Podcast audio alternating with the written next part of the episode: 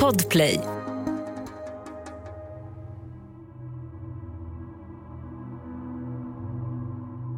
Att gräva en varggrop är egentligen inte en särskilt svår uppgift. I alla fall inte om du har armstyrka och tålamod. Gräv tills du har ett hål som är cirka fem meter i diameter. Fortsätt att gräva tills gropen är minst fyra meter djup och hoppas på att det räcker för att hålla kvar det du har fångat. Vill man vara på den säkra sidan kan man placera en spetsad påle i mitten av gropen och täcka över hålet med lite granris. Det är förmodligen olagligt att lägga till den spetsiga pålen så det är ingen rekommendation för den svaghjärtade. Sen är det bara att vänta. Gropen är dock ingen garanti för trygghet. För man kan aldrig vara säker på vad som fastnar i gropen. Kanske är det en varg. Eller ett rådjur med blanka oskyldiga ögon. Men man kan lika gärna råka fånga något helt annat än djur.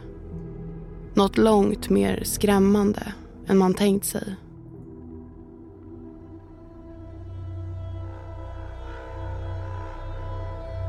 Välkommen till Oförklarliga fenomen. Ett program där jag, Evelina Johanna och jag, Filippa Frisell, Ta med dig på berättelser om märkliga och obehagliga händelser, myter och fenomen. Fenomen som inte alltid går att förklara.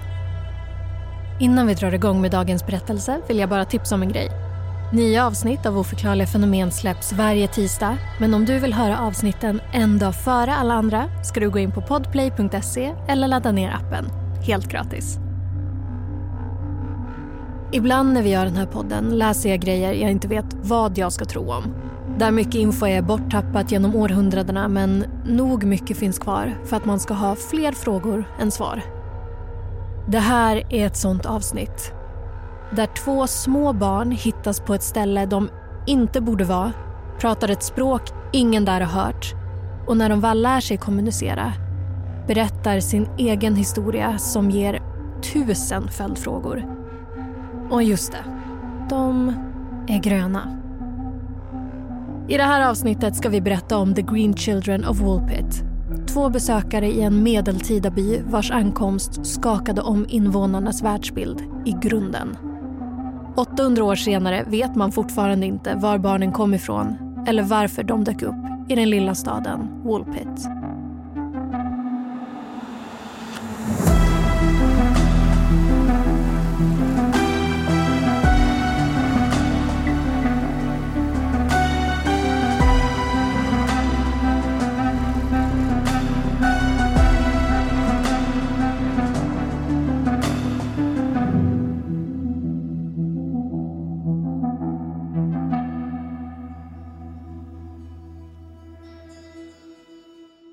I sydöstra England ligger en liten by omgiven av djupa skogar. Det är inte en plats som sticker ut. Staden ser ut som alla andra, byborna gör vad alla andra gör. Men runt om byn, utanför murarna, är marken strösslad med djupa, breda hål. En dag lämnar en grupp bönder tryggheten innanför murarna för att hämta in skörden. Varje gång de går förbi ett av hålen på fältet håller de sitt avstånd Hålen har nämligen ett väldigt specifikt syfte. Det finns varg i skogarna och tanken är att rovdjuren ska trilla ner i hålen innan de kan komma nära byn. Det var faktiskt så byn en gång fick sitt namn. Orden wolf och pit slogs ihop och blev till slut woolpit. Men när bönderna går förbi ser de inga vargar i groparna. Däremot hittar de något helt annat. Något ingen av dem någonsin har sett förut.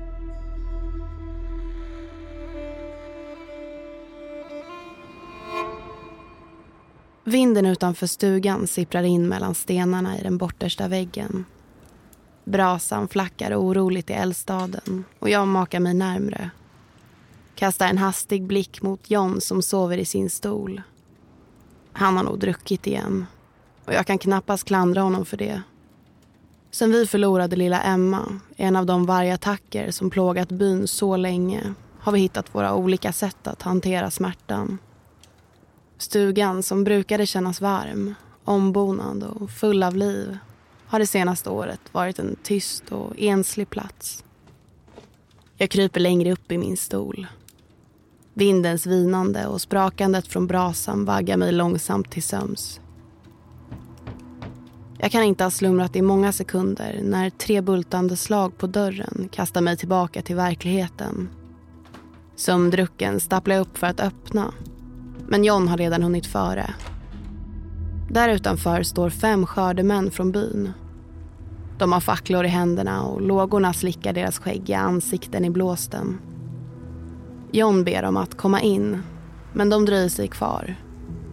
Utbyter ögonkast som jag inte riktigt kan tolka. Bakom dem rör sig något. Jag ser hur två små skuggor rör sig ute i mörkret. Till sist har den äldsta av männen ton. Han berättar att de hittat två barn ute i skogen. Barn som behöver vår hjälp. Nu undrar de om vi kan tänka oss att ta in dem. Över natten i alla fall.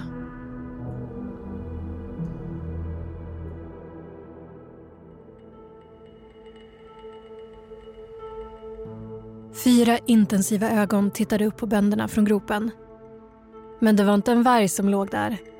Inte heller ett bytesdjur eller boskap. Ögonen tillhörde något mycket mer omvälvande än så. Där nere i hålet, bland jord, grus och rötter stod två små utmärglade barn.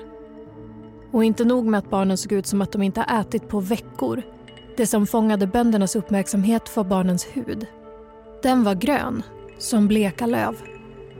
Därför är det kanske inte konstigt att skördemännen, som lever under en tid fylld av skrock och tron på övernaturliga varelser, inte skyndar till deras undsättning. Men istället för att fly och lämna de gröna barnen i värgropen väljer skördemännen till slut att hjälpa dem upp och ta med dem till byn. För inte kan man väl lämna två små barn i en varggrop oavsett om de är gröna eller inte. Jag borde kanske känna mig irriterad över att de direkt gått till det välbärgade barnlösa paret. Men jag känner mig bara upprymd inför tanken på nya små liv i vårt hem. Jag tänker inte på hur den äldre mannen skruvar obekvämt på sig. Eller hur han liksom pausar innan han säger ordet barn. Männen säger inte något mer utan knuffar helt sonika fram de två barnen som stått gömda i skuggan bakom dem Framför oss står två rangliga gestalter. En flicka och en pojke. Jag flämtar till. De ser ut som levande skelett. Mitt hjärta knyter sig vid åtanken på hur länge sedan det var barnen fick äta sig mätta. Så för en av skördemännen ner sin fackla i höjd med barnens ansikten och mina moderskänslor försvinner tvärt. Deras hud är grön som gräs och de svarta ögon som möter min blick ser känslokalla ut. De blänker olycksbådande som mörka vågor i månskenet.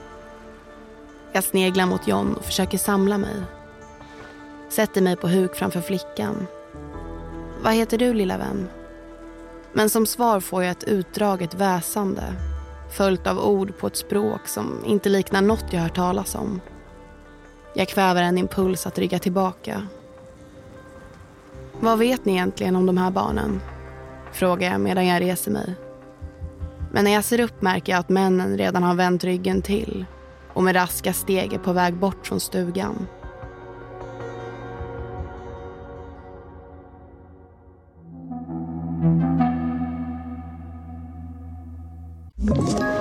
Ett poddtips från Podplay. I fallen jag aldrig glömmer djupdyker Hasse Aro i arbetet bakom några av Sveriges mest uppseendeväckande brottsutredningar. Går vi in med hemlig telefonavlyssning och, och då upplever vi att vi får en total förändring av hans beteende. Vad är det som händer nu? Vem är det som läcker? Och så säger han att jag är kriminell, jag har varit kriminell i hela mitt liv men att mörda ett barn, där går min gräns. Nya säsongen av Fallen jag aldrig glömmer på Podplay.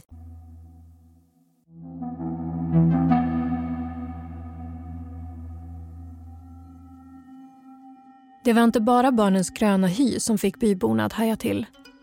De betedde sig nämligen nervöst och misstänksamt mot alla som kom nära. Märkligast av allt var att de pratade ett helt främmande språk. Hur byborna än försökte kunde de inte begripa ett ljud som kom ur barnens munnar. Syskonens kläder var också sydda av ett material som för folket i Woolpit var helt okänt. Av allt att döma var barnen inte från vare sig Woolpit eller någon annan närliggande by. Var barnen kom ifrån, varför de hade ramlat i varggropen och vilket språk de talade var inget annat än ett mysterium.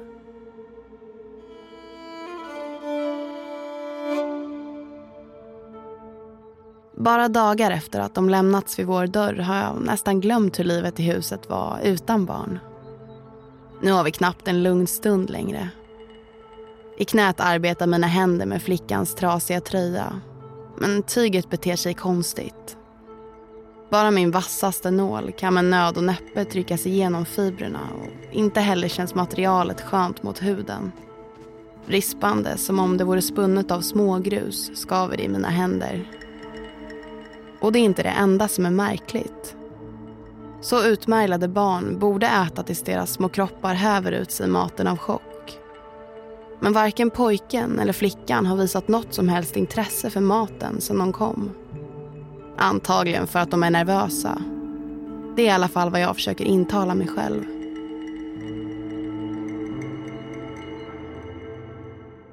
Ända sedan barnen dök upp för första gången har folk haft teorier om vad som hänt dem och vart de kom ifrån. Kanske pratade de konstigt för att de var barn till flamländska migranter som förföljdes under den här tiden. Kanske hade barnens föräldrar dött och barnen gått vilse. Många menar att deras uppenbara undernäring lett till blodsjukdomar som i sin tur gett barnen den sjukligt gröna hyn.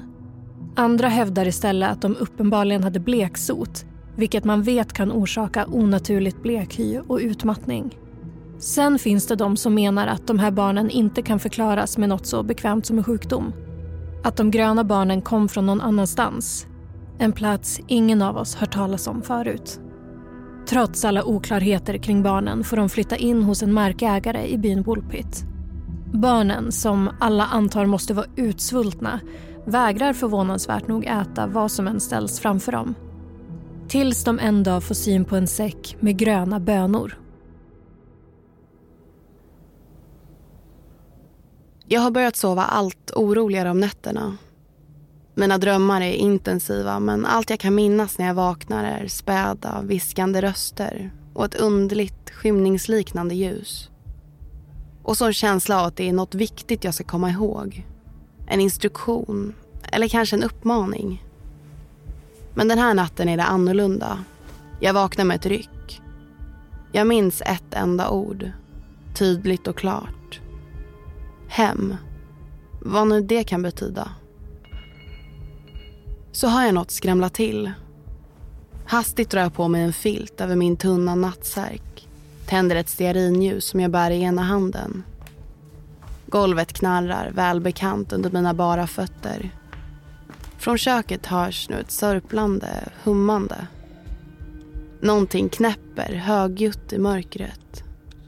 Ett metodiskt klickande som en metronom utan ackompanjemang. Då ser jag dem. Vid grönsakskorgen. Pojken river frenetiskt bland grödorna. Han letar upp de gröna bönorna och pressar in bönskida efter bönskida i munnen. Bredvid står flickan som puttar sin bror åt sidan för att själv roffa åt sig några nävar med bönskidor. Jag utbrister att de inte borde äta bönorna råa för då kommer de få ont i magen. Men inget av barnen lyssnar på mig. Och de förstår ju ändå inte ett ord av vad jag säger. Jag blåser ut mitt ljus, backar tillbaka och lämnar dem. Som i ett skimmer ser jag hur en liten kladdig hand sträcker sig genom mörkret, griper tag i min arm och drar ner mig mot golvet. Flickans röst är len som sammet och nu talar hon plötsligt till mig på ett språk som jag kan förstå. Jag heter Agnes och jag vill stanna hos dig. Jag blir mig ens osäker på om jag verkligen hört henne tala eller om rösten kommit ur mitt eget huvud. Det är som att jag är ett vakuum där allt jag hör är Agnes lugna andetag. Hennes ansikte är bara centimeter från mitt. Så nära att våra nässpetsar nästan nuddar varandra. Hon andas genom munnen. De små pustarna som väller över mig stinker av skälkarna från de gröna bönorna som fastnat mellan hennes krokiga små tänder. Jag hinner inte svara innan hon släpper taget om mig och försvinner. Och jag vet instinktivt att jag måste lyda Agnes. Hon ska stanna här, hos oss. Ju längre tiden går, desto mer bekväma blir barnen i sitt nya hem. Sakta men säkert börjar syskonen prova att äta bröd. De smakar flera sorters ny mat och snart äter de som vilka barn som helst. I takt med att deras matvanor ändras försvinner också den gröna färgen i deras hy. Men det finns en avgörande skillnad. Den unga flickan blir bara starkare och starkare och ett ord i taget börjar hon lära sig engelska. Men den unga pojken mår inte bra. Han verkar vara sjuk. Till skillnad från sin syster mår han bara sämre för varje dag som går.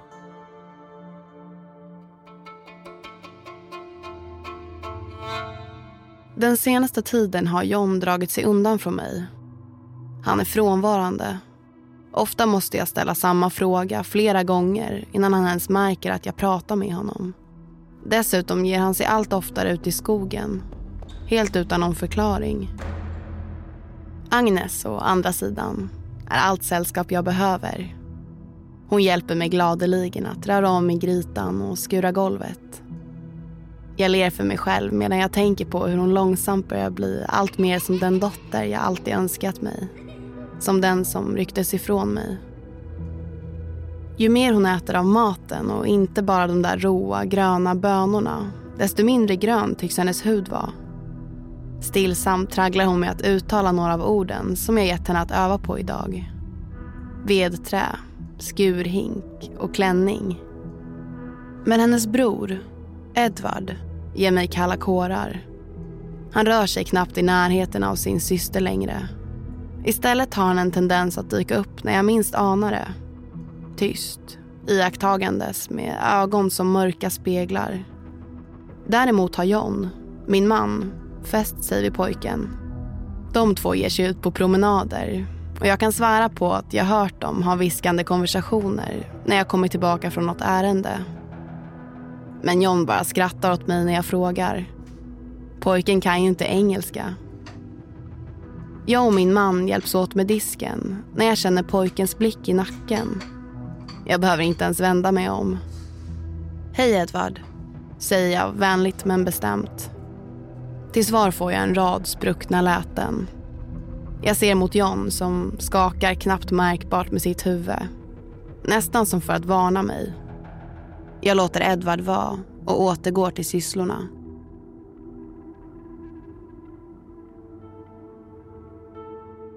Efter en tid bestämmer man att barnen ska döpas i St. Marys kyrka i Woolpit. Vad barnen hette när de hittades i varggropen vet man inte och vad pojken döps till i kyrkan är inte heller det en del av berättelsen som skrivs ner. Men vi vet att flickan får namnet Agnes. Ungefär samtidigt som Agnes till slut lärt sig språket tar berättelsen om de gröna barnen en dramatisk vändning. För nu när Agnes kan uttrycka sig fritt kan hon själv berätta sin historia. En historia ingen någonsin kunnat föreställa sig. Hon berättar att hon och hennes bror kommer från någon annanstans. Från St. Martins Land. En plats där solen aldrig skiner. En underjordisk värld där det bara finns ljus i form av en evig skymning.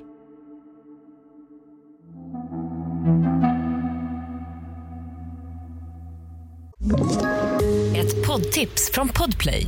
I fallen jag aldrig glömmer djupdyker Hasse Aro i arbetet bakom några av Sveriges mest uppseendeväckande brottsutredningar. Går vi in med hemlig telefonavlyssning och, och då upplever vi att vi får en total förändring av hans beteende. Vad är det som händer nu? Vem är det som läcker? Och så säger han att jag är kriminell, jag har varit kriminell i hela mitt liv men att mörda ett barn, där går min gräns. Nya säsongen av Fallen jag aldrig glömmer på Podplay.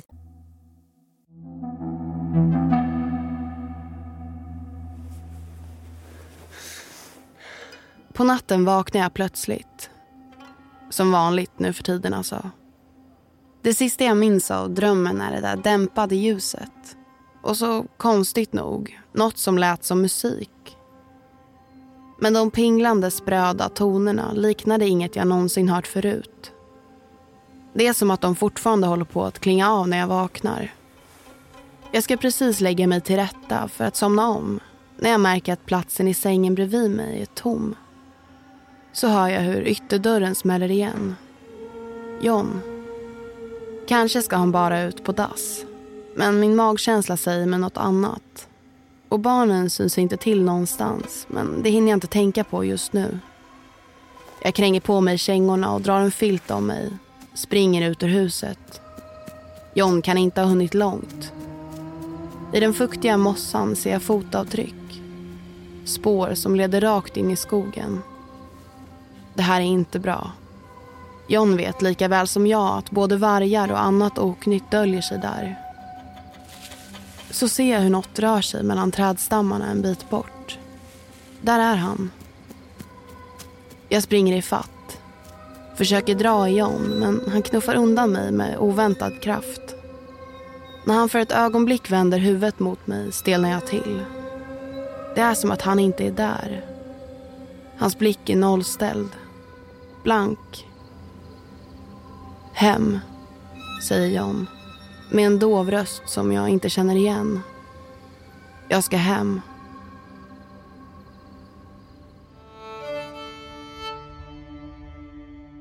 Agnes berättar att i St. Martins Land är alla varelser gröna.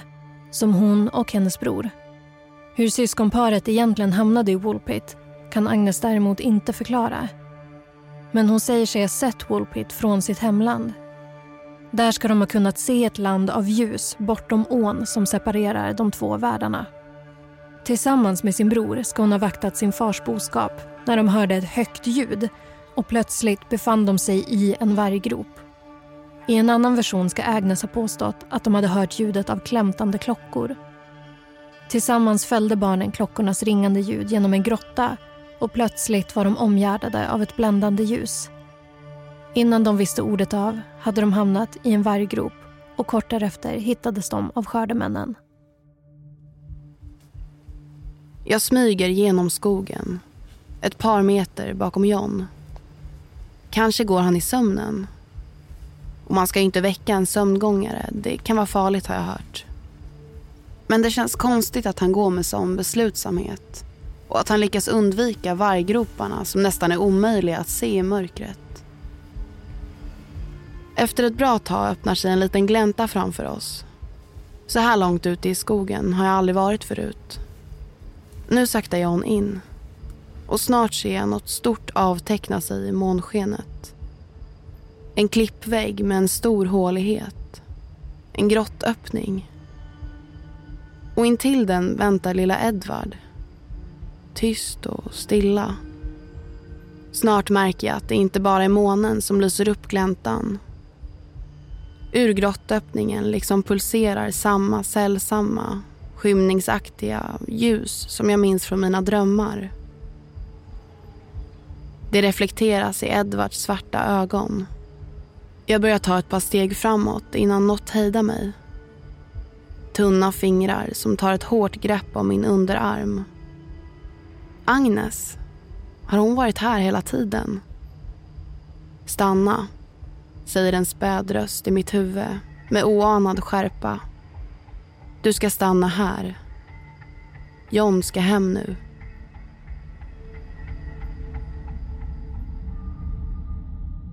Så vad hände egentligen med de gröna barnen? Pojken lever ett kort liv. Han dör nämligen kort efter sitt dop. Det finns uppgifter om att han drabbas av en mystisk sjukdom men det är svårt att veta säkert. Genom århundradena har berättelserna förändrats och förvrängts. Agnes å andra sidan klarar sig bättre. Vissa säger att hon blir en del av byn och gifter sig med en högt uppsatt man. Det finns de som menar att paret får ett barn tillsammans. Andra berättar att Agnes aldrig fann lyckan men ändå stannade kvar i Woolpit. Vad som egentligen hände förblir en del av ett mysterium som fortsätter jäcka folk än idag.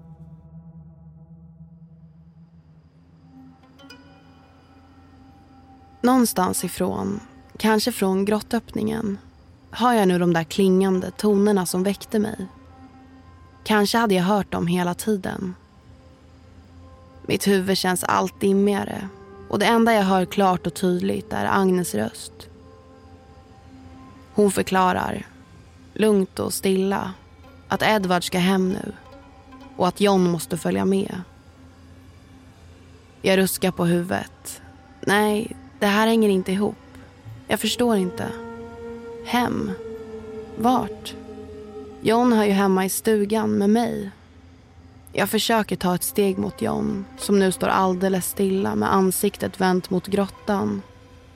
Men Agnes grepp runt min arm hårdnar med en oanad styrka. När jag öppnar munnen för att ropa på honom skär hennes röst som knivar i mitt huvud. Nej. Och jag förstår. Jag låter Agnes förklara för mig att det är bäst så här. Att min uppgift är att stanna kvar och ta hand om henne. Att jag behöver vila nu. Plötsligt märker jag hur trött jag är. Jag lägger mig ner och vilar kinden mot den tjocka, jorddoftande mossan. Genom halvslutna ögon ser jag två gestalter. En lång och bred och en kort och utmärglad röra sig mot grottan och det flackande skymningsljuset. Agnes ska stanna här, hos mig.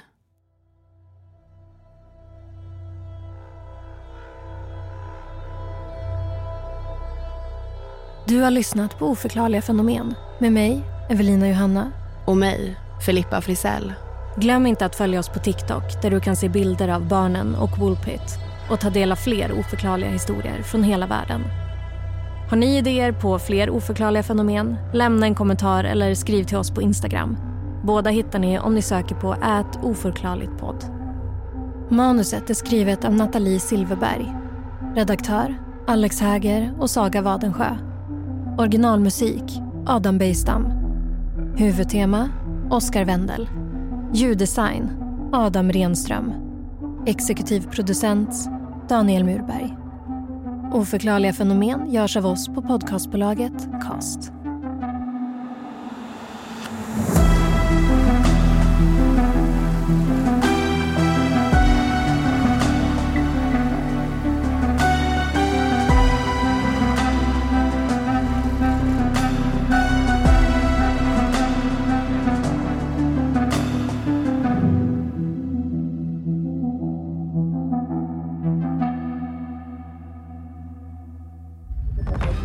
Podplay, en del av Power Media. Ett poddtips från Podplay. I fallen jag aldrig glömmer djupdyker Hasse Aro i arbetet bakom några av Sveriges mest uppseendeväckande brottsutredningar. Går vi in med hemlig telefonavlyssning och, och då upplever vi att vi får en total förändring av hans beteende. Vad är det som händer nu? Vem är det som läcker? Och så säger han att jag är kriminell, jag har varit kriminell i hela mitt liv men att mörda ett barn, där går min gräns. Nya säsongen av Fallen jag aldrig glömmer på Podplay.